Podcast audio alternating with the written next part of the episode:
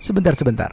Sebelum kamu mendengarkan episode kali ini, buat kamu yang ingin membuat podcast seperti saya, maka Anchor adalah cara termudah untuk membuat atau mempunyai podcast. Kenapa? Karena di dalam aplikasi Anchor terdapat fitur-fitur yang memudahkan kamu untuk membuat podcast. Anchor juga bisa membantu untuk mendistribusikan podcast kamu secara luas, seperti Spotify dan platform podcast lainnya. Langsung saja download aplikasi Anchor A N C H O R di App Store dan Play Store.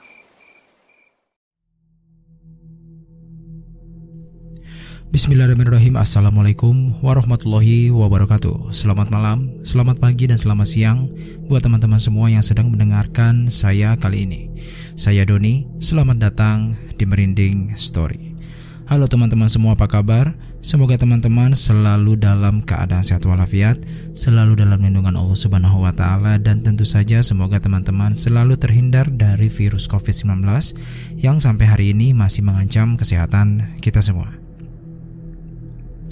Baik teman-teman podcast Branding Story untuk episode kali ini um, Saya kembali akan membawakan cerita dari Mas Restu Wira Atmaja Yang kali ini berjudul Kisah Kelam Tanah Santet Ora mati, ora urip Atau tidak mati, tidak hidup Seperti apa kisahnya?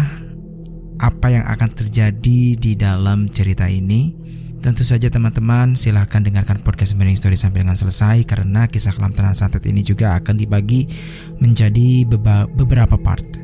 Dan untuk ke depannya juga kemungkinan podcast Merinding Story akan um, membawakan beberapa cerita juga dari karya Mas Restu Atmaja. Jadi jangan sampai teman-teman melewatkan ya. Nah dan buat teman-teman yang mungkin juga punya pengalaman mengenai santet, pesugihan atau ataupun hal-hal mistis lainnya silakan teman-teman bisa kirimkan cerita teman-teman ke email podcast merinding story di at merinding eh, at merinding story at gmail.com atau teman-teman juga bisa kirim cerita teman-teman via Instagram ya di at merinding cerita.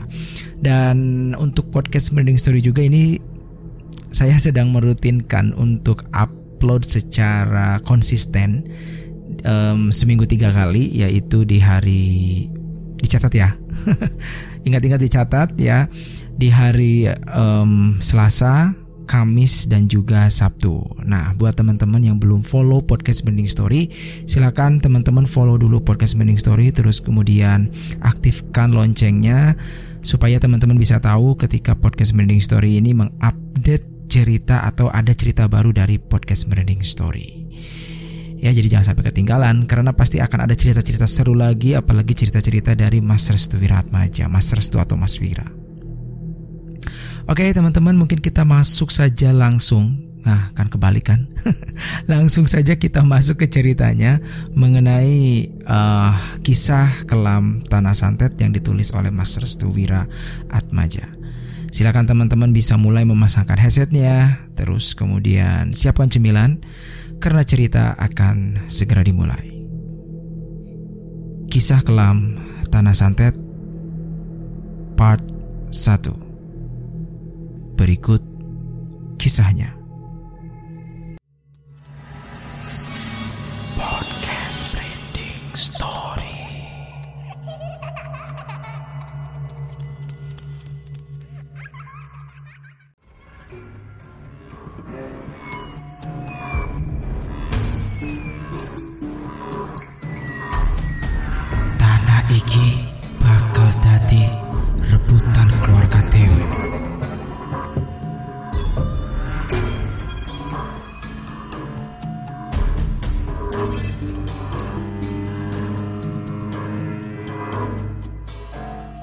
Tanah ini bakal menjadi rebutan keluarga sendiri. Begitulah yang dikatakan Simbah Kakung kepadaku. Aku sebenarnya tidak terlalu paham apa yang dimaksud oleh kakek. Sepertinya ini adalah sebuah peringatan antara sesama keluarga yang menempati tanah yang memang menjadi sorotan bagi anggota keluarga lainnya. Entah apa yang menjadikan tanah ini begitu istimewa. Simbah Kakung bilang, Dulunya tanah ini dipenuhi dengan bebatuan dan semak belukar yang sangat banyak. Untuk membuka lahan tersebut, Simbah Kakung bersama dengan Simbah Uti membuka lahan tersebut dengan bersusah payah. Kebetulan, di sana terdapat harta karun Mereka menyebutnya sebagai lambehan gunung. Tanah itu ternyata memiliki tuah dan keberkahan bagi keluarga Simbah Kakung sendiri. Di sekitaran gunung lambehan tersebut, banyak orang pintar yang mengincar tanah itu untuk keperluan pribadinya. Katanya, jika orang yang paham, mereka akan mendapatkan lelakon ataupun nasib yang baik. Secara fisik, tanah itu memang berbeda dengan tanah-tanah lainnya. Gundukan tanah di sekitarnya menjadikan tanah ini memiliki kesan spiritualis tersendiri. Tidak heran, banyak dukun-dukun yang sesekali menengok tanah ini untuk mengetahui hal yang sangat langka dan jarang ditemui di sekitaran tempat mereka. Pagi itu, aku bersama dengan keluargaku sedang makan bersama. Kami membiasakan adat dan kebiasaan ini untuk menjalin hubungan baik antara sesama anggota keluarga.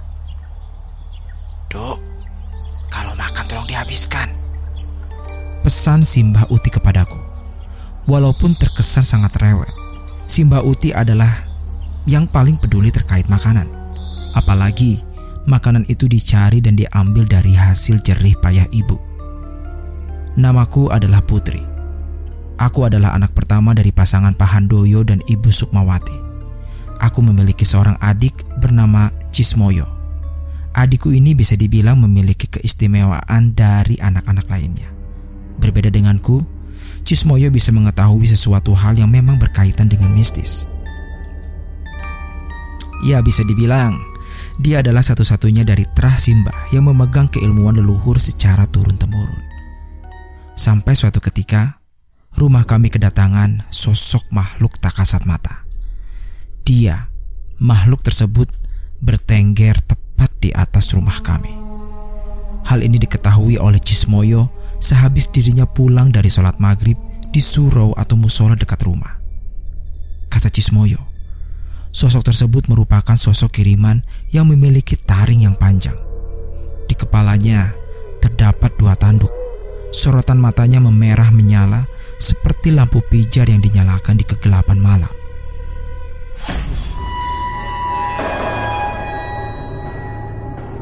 Aku yang tahu kalau Cismoyo hanya bisa berdiri di depan kamar sambil menatap sosok tersebut, langsung bertanya kepadanya. Hei dek, kamu lihat apa? Tanya aku.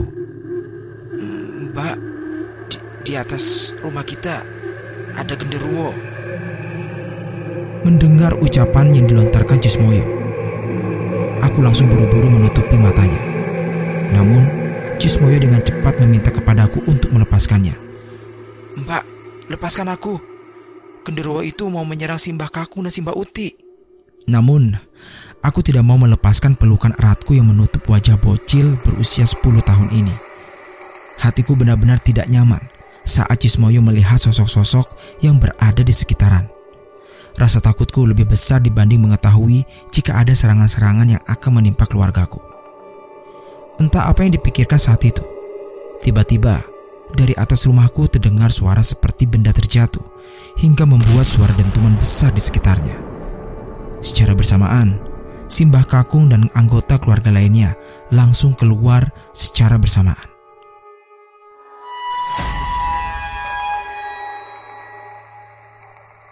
Ada apa, Dek? Tanya ibuku yang merasa khawatir. Bu, C Cismoyo melihat genderuwo. Astagfirullah. Cepat sini bawa masuk. Ibu langsung menuju ke arahku dan Cismoyo. Sedangkan Simbah Kakung dan Simbah Uti, keduanya masih berada di depan rumah sambil menatap ke arah atas genteng rumahku.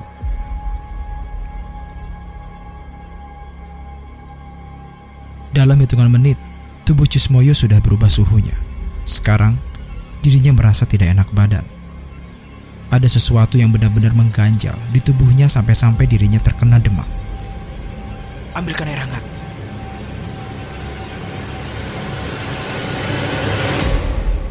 Ibu langsung menyuruhku untuk mengambilkan air hangat. Pikirku, ibu ingin mengompres dahi Cismoyo dengan menggunakan kain mori. Namun, begitu air hangat aku berikan kepada ibu, beliau hanya membasuhi bagian perut dan mengangkat sesuatu yang berasal dari dalam perut Cismoyo. Bu, Cismoyo, kenapa? Tanyaku kepada ibu. Adikmu dikirim kirim santet. Jawab ibu. Mendengar pernyataan ibu, aku langsung melihat wajah Cismoyo kecil yang memucat. Bibirnya bergetar seperti dalam keadaan menggigil. Tanganku secara refleks memegang tangan Cismoyo. Batinku terasa sesak di saat adikku satu-satunya mendapatkan serangan kejam seperti ini. Mungkin ini adalah serangan yang menyangkut kepada lambehan gunung yang dikatakan Simbah Kaku. Sementara itu dari luaran rumah, Simbah Kakung sudah berteriak-teriak seperti orang marah. Aku meminta izin kepada ibu untuk keluar sejenak. Namun, ibu menyuruhku untuk menutupi bagian kepalaku dengan kain mori. Aku berpikir sejenak, apa fungsinya kain mori ini di kepalaku? Bukannya aku mengenakan hijab dan sudah menutupi kepalaku. Namun, ibuku tetap memaksa kepadaku agar aku mengenakan kain mori. Katanya, buat berjaga-jaga agar ketika gesekan energi antara genderuwo dan simbah kakung berlangsung, tubuhku tidak tertimpa reruntuhan energi yang berjatuhan dari atap rumah. Aku pun mengikuti perintah ibu. Dengan hati yang penasaran, aku langsung keluar rumah dan menghampiri simbah kakung dan juga simbah uti.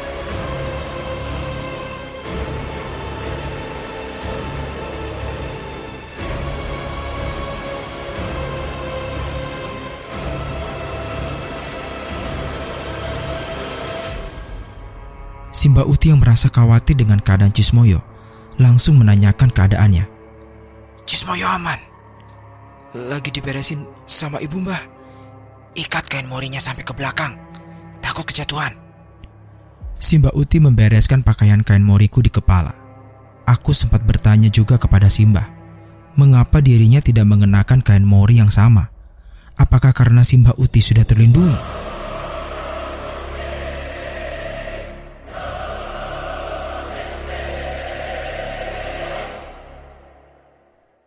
Simba nggak pakai kain mori juga. Simba tidak berkata apa-apa. Dia hanya tersenyum sambil memegangi kepalaku.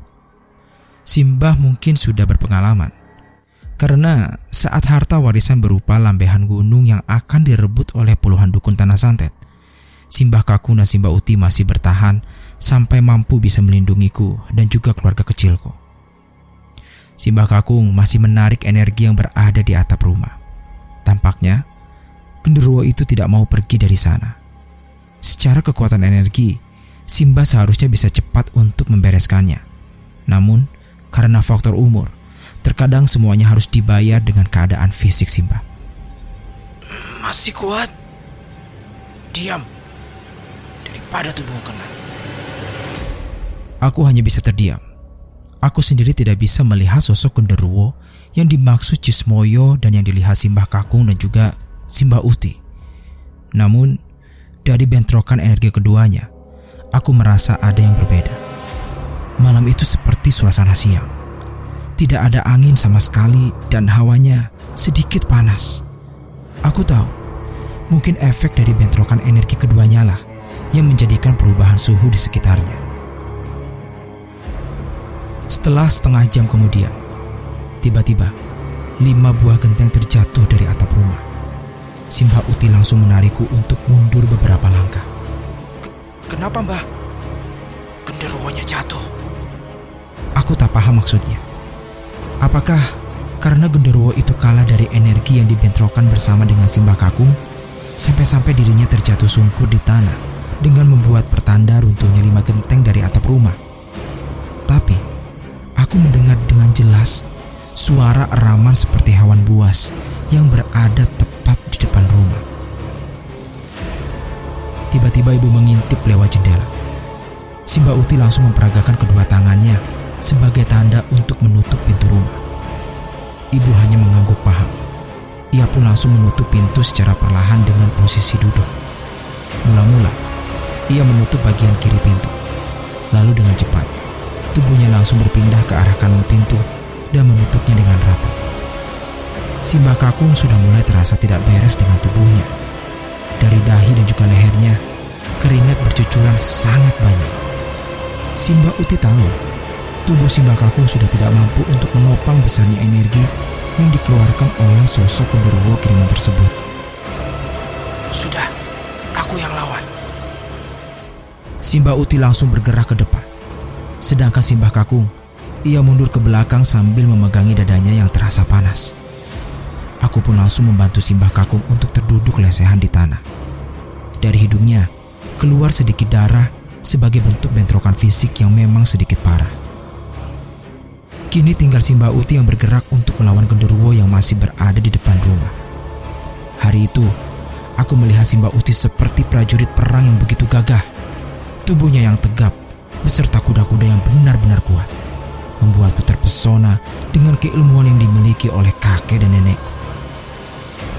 Tangan Simbah Uti juga benar-benar bertenaga. Ia menunjukkan jari telunjuknya ke arah depan rumah seperti hendak mengangkat sesuatu dari kejauhan.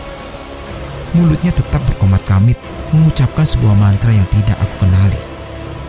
Namun, secara perlahan, semenjak Simba Uti yang maju ke depan, tiba-tiba semilir angin perlahan berhembus dan memberikan kesegaran. Langit yang awalnya tertutup awan, kini terbuka lebar. Purnama benar-benar memperlihatkan kecantikannya. Dengan perlahan, Simba Uti menatap ke arahku dengan mata yang telah mengeluarkan sedikit darah. Simbah tersenyum kepadaku dan berkata, Wes rampung, dok. Tiba-tiba, tubuhnya langsung tergeletak jatuh.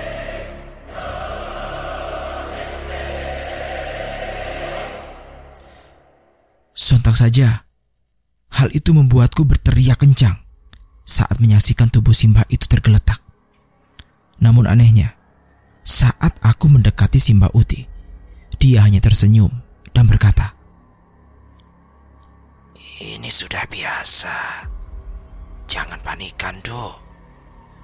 Tapi mbah, eh, mata Simba keluar darah. Ini belum seberapa. Besok-besok akan lebih parah. Keesokan harinya, Simbah Kakung dan Simbah Uti langsung berangkat menuju sebuah tempat yang disebut dengan Lambehan Gunung. Mereka berdua sebenarnya hanya ingin mengecek lokasi. Namun, saat mereka berdua tiba di sana, betapa terkejutnya.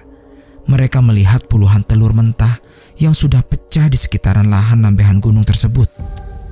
Kemungkinan, puluhan telur itu adalah media penyerangan yang dilakukan oleh sekelompok orang untuk mendapatkan lambehan gunung yang dimiliki oleh Simbah Kakung dan Simbah Uti.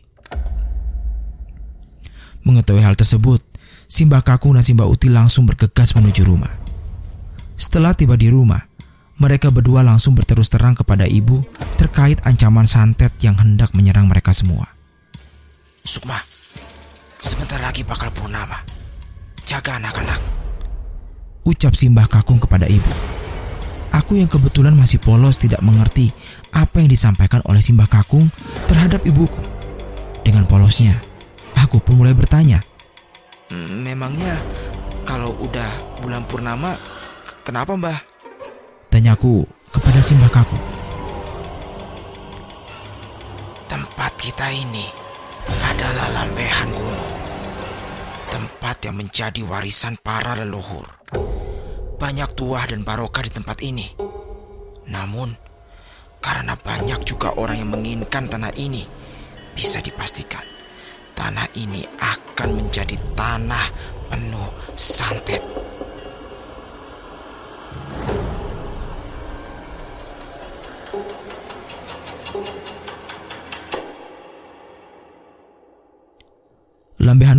Dimaksud oleh Simbah Kakung adalah tempat bertemunya lempengan tanah dengan di hadapannya langsung menghadap sungai. Rumah yang dibangun tepat di pinggir jalan ini berada di kaki bukit, sehingga suasana pedesaannya benar-benar terasa. Karena tempat ini bersih dan bertua, banyak orang yang menginginkan tempat ini. Bisa dibilang, tanah warisan ini sedang diperebutkan banyak pihak baik dari keluarga sendiri ataupun orang-orang yang menginginkan tanah itu dengan berbagai ambisi. Namun sekali lagi, Simbah Kakung dan juga Simbah Uti tidak menginginkan tanah itu jatuh ke tangan-tangan kotor yang dipenuhi dosa dan nafsu belaka. Jika tanah ini sampai jatuh ke orang yang salah, maka keseimbangan tanah Banyuwangi akan bergeser.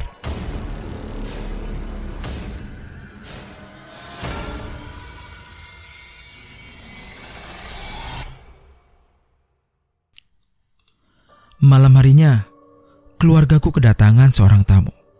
Tamu tersebut ternyata masih ada ikatan keluarga dengan keluargaku. Dia merupakan adik dari Pak Handoyo, suami Ibu Sukma, dan dia bernama Pak Ijo. Pak Ijo sendiri tinggal di sebuah desa yang letaknya tidak terlalu jauh dengan desa yang keluarga kami tempati. Kedatangan Pak Ijo sendiri sebenarnya sudah diketahui oleh Simbah Kakung Entah apa maksud dan tujuan dari Pak Ijo sendiri untuk mendatangi keluargaku. Namun, aku sendiri merasa tidak enak dengan maksud dan tujuan dari Pak Ijo sendiri. Akhirnya secara belak-belakan, Pak Ijo pun memberitahu maksud dan tujuan kedatangannya ke rumahku. Dia menawarkan kepada Simbah untuk menjual tanah atau lahan di lambehan gunung Pak Ijo merasa tertarik dengan lahan atau tanah yang berada di lambehan gunung karena memiliki daya tarik sendiri. Namun Simbah tetaplah Simbah. Dia adalah orang yang berpegang teguh kepada prinsipnya. Walaupun Pak Ijo masih ada ikatan keluarga kepada Simbah. Akan tetapi, Simbah tidak berkeinginan untuk menjual tanah tersebut kepada Pak Ijo. Aku sudah tahu maksud dan tujuanmu. Begitulah kira-kira kalimat yang dilontarkan oleh Simbah kepada Pak Ijo. Aku sendiri langsung melihat raut wajah Pak Ijo saat Simbah mengucapkan kalimat yang sangat menusuk itu. Seketika, raut wajah Pak Ijo menjadi tidak senang. Ia sering kali menatap tajam ke arah Simbah, sembari memain-mainkan jari jemarinya. Sampai kapan tanah itu dipertahankan? Mas Handoyo juga mesti mendapatkan bagian dari hak warisnya. Ucap Pak Ijo dengan nada tinggi. Itu hak Handoyo kakakmu. Kau tidak mendapatkan hak sedikit pun untuk mendapatkan tanah lambean gunung. Jelas simbah kaku. Pak Ijo pun menggebrak meja dengan kencang. Sampai-sampai aku dan Cismoyo langsung berlindung kepada ibu karena ketakutan. Bah, tanah itu tanah incaran. Tanah yang ingin dimiliki oleh para dukun di tempat ini. Jika Simbah tidak mewariskannya kepada keluarga, tanah itu akan direbut oleh para dukun. Jelas Pak Ijo. Tanah itu bakal aku turunkan kepada cucuku. Pak Ijo langsung menatapku dan juga Cismoyo. Ia langsung tertuju kepada aku dan Cismoyo sewaktu Simbah memberitahu bahwa lambehan gunung akan diwariskan kepada salah satu cucunya. Mbah, mereka masih kecil. Mereka tidak pantas untuk mendapatkan hak warisan tanah lambean itu. Pak Iju terus-menerus menekan Simba agar dirinya mau menurunkan hak warisan tersebut kepadanya. Akan tetapi, sekali lagi, pertama kalinya dalam hidupku mendengar sebuah kalimat yang mampu membuat mental seseorang jatuh. Simbah yang dikenal dengan kemampuan sabdo tadinya itu mengatakan hal yang sejujurnya kepada Pak Ijo. Kamu adalah bagian dari dukun tersebut. Kamu bersekutu dengan mereka agar mendapatkan lampion gunung. Telur-telur yang berada di sekitaran lampion gunung adalah hasil perbuatan jahatmu. Sekarang atau nanti, ambisimu untuk mendapatkan lampion gunung semakin besar. Maka dari itu, aku tidak akan menurunkan lampion gunung kepada mereka yang memiliki niat jahat. Mendengar hal itu, Pak Ijo langsung meninggalkan rumahku. Dia langsung menatap ke arah atap rumah sembari berkata kasar seperti mencaci maki sesuatu yang ada di atas rumahku. Saat aku bertanya kepada Cismoyo terkait apa yang terjadi dengan Pak Ijo, dia pun langsung menjawab. Genderuwo itu adalah kiriman dari Mas Pak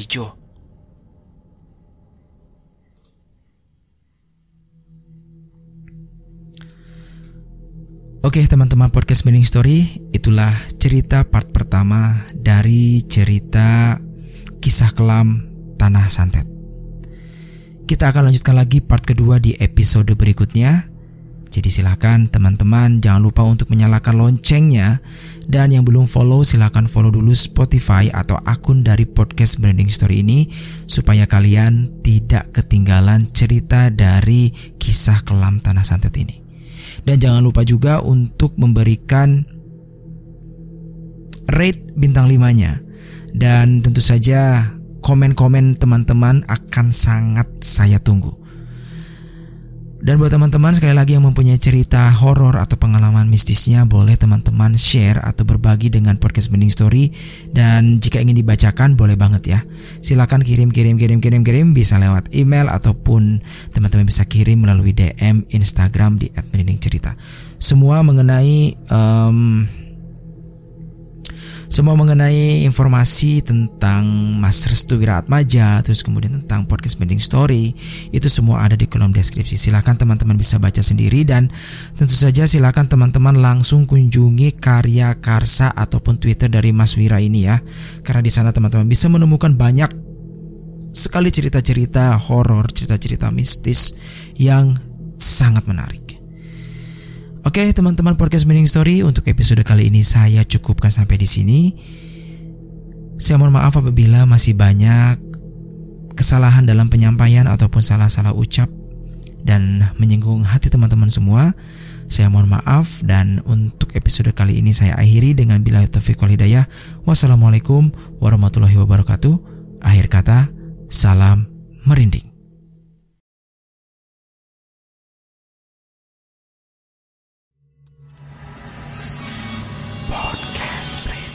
Stop.